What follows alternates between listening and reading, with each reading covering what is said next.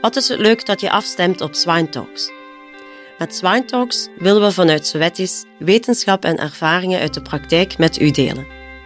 Mijn naam is Hedwig van Aken. Ik ben marketingmanager bij Sowetisch en stel jullie in het kort mijn collega's voor die de inhoud van de podcast zullen invullen. De Sowetisch dierenartsen staan dagelijks in contact met praktijkdierenarts en key opinion leaders. Anne van der Zijp is varkensdierenarts voor Sowetisch. Twan van Berlo is onze Nederlandse Sowetisch varkensdierenarts. En Tom Meijns is verantwoordelijk voor zowel België als Nederland. De Sowetisch dierenartsen staan dagelijks in contact met praktijkdierenartsen en key opinion leaders, waarbij dat ze de vragen beantwoorden van de Belgische en Nederlandse varkensdierenartsen. Daarnaast staan ze ook in voor nauwgezette diagnosestelling en geven ze advies over mycoplasma, circo en peers. Ik wens jullie veel luisterplezier. We hebben nu eh, een reeks podcasts waarover we jullie iets meer willen vertellen over mycoplasma. Jullie weten allemaal dat mycoplasma nog steeds een actueel probleem is. En we krijgen dan ook vaak eigenlijk vragen over mycoplasma. En ik wil hier een aantal vaak voorkomende vragen beantwoorden.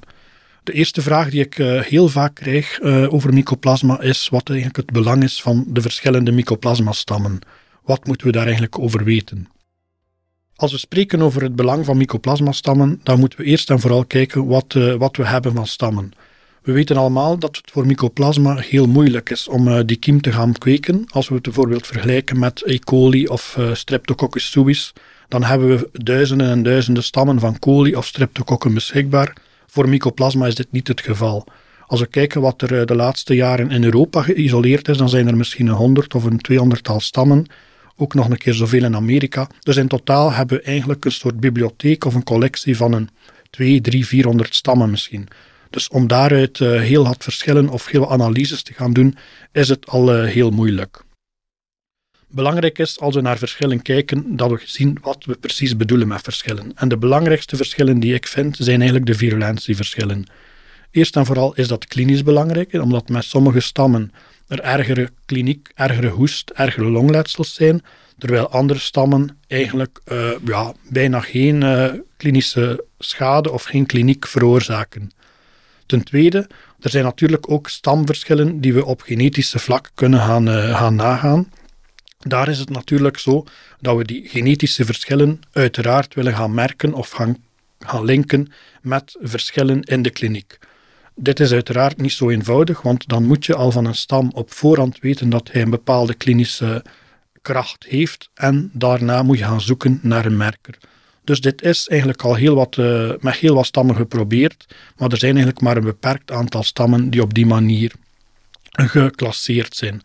En er is dan ook tot nu toe eigenlijk nog weinig uh, echte merkers waarvan men zegt van als dit stukje DNA in de stam voorkomt, dan weten we dat het zeker en vast een uh, hoogvirulente stam is. Dat is niet zo bijvoorbeeld bij E. coli. Als je bijvoorbeeld naar een virulentiefactor F4, F8 kijkt, dan weet men als die virulentiefactor er is, dan weten we dat die kiem kan aanslaan of kan aanhechten bij dit of dit type dier. Voor mycoplasma hebben we dit dus niet. Dus als we dan kijken naar wat de stam of verschillende stammen op bedrijven doen, dan kijken we uiteraard eerst en vooral naar de kliniek.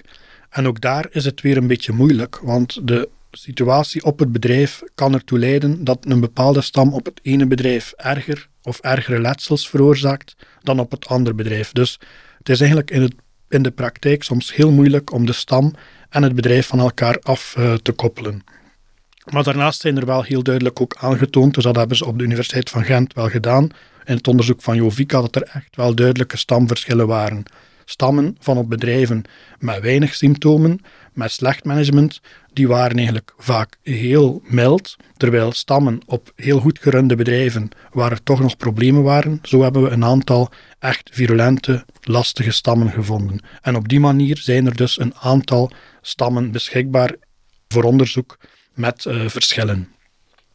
Als we kijken naar uh, wat het belang is op uh, bedrijven, dan is het volgens mij eerst en vooral belangrijk om te zorgen, als je op een bedrijf een bepaalde stam hebt, dat je oplet bij introductie van nieuwe stammen. Als je gehalten aankoopt of dieren aankoopt, dan is er altijd een kans dat er een nieuwe, eventueel een virulentere stam op het bedrijf binnenkomt. Er is ook aangetoond dat op één bedrijf er verschillende stammen tegelijk kunnen circuleren. Mogelijk stammen die misschien iets virulenter zijn of iets erger zijn dan anderen. Maar het is ook zo, als er meerdere stammen voorkomen bij dieren, dat over het algemeen ook de letsels erger zijn. Dus het is een combinatie van enerzijds stamverschil, maar ook het aantal of het, het voorkomen van verschillende stammen tegelijk. Er is wel wat onderzoek gedaan ook naar onderzoek of naar redenen van deze virulentieverschillen.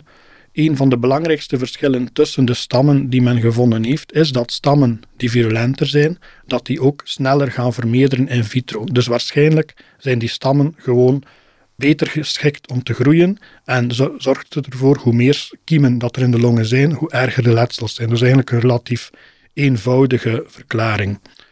Daarnaast zijn er ook specifieke virulentiefactoren gezocht, maar daar hebben we tot op heden eigenlijk nog heel weinig echte vaststaande virulentiefactoren waarvan dat we kunnen screenen of waarvan dat we bedrijven kunnen gaan screenen. Dus daar is toch nog wel wat verder onderzoek nodig.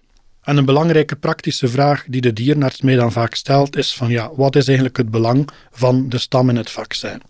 Het is aangetoond, of het is zo geweten, dat heel wat vaccins zijn gebaseerd op relatief oude stammen, gebaseerd op de G-strain of varianten van die G-strain. En die vaccins zijn eigenlijk uh, ja, te onderscheiden voornamelijk door ofwel de hoeveelheid antigen die erin zit, de manier waarop het antigen gepresenteerd wordt en uiteraard het adjuvans. Maar toch zien we dat daar een aantal, er zijn wat verschillen tussen de vaccins, maar het is niet zo dat bepaalde vaccins op bepaalde bedrijven tegenover bepaalde stammen niet gaan werken. Er zijn ook een aantal vaccins met andere stammen en men ziet eigenlijk dat het niet zo is dat die stammen of die vaccins tegenover bepaalde stammen ook heel wat beter gaan uh, reageren. Er is ook onderzoek gedaan met in hetzelfde vaccin een oude stam of een nieuwe stam te gaan uh, inbrengen. En dat leidt er ook niet toe dat de stam heel wat, heel wat beter, of het vaccin heel wat beter gaat werken op uh, bepaalde bedrijven. Dus eigenlijk de conclusie hiervan is volgens mij dat het belang van de stam in het vaccin niet zo groot is. Het is eerder het adjuvans en de manier waarop het antigen geproduceerd is die van belang zijn voor een goede werking van het vaccin.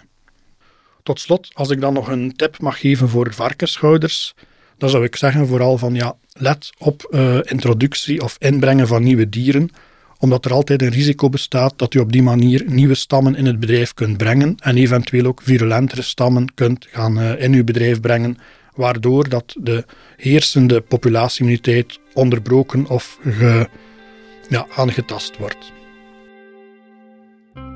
We danken u van harte voor het beluisteren van deze Swine Talks en verwelkomen u graag in een volgende episode.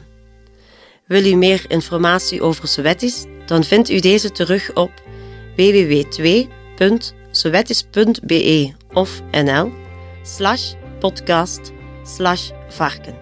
Of spreek erover met uw Sowettis vertegenwoordiger of dierenarts.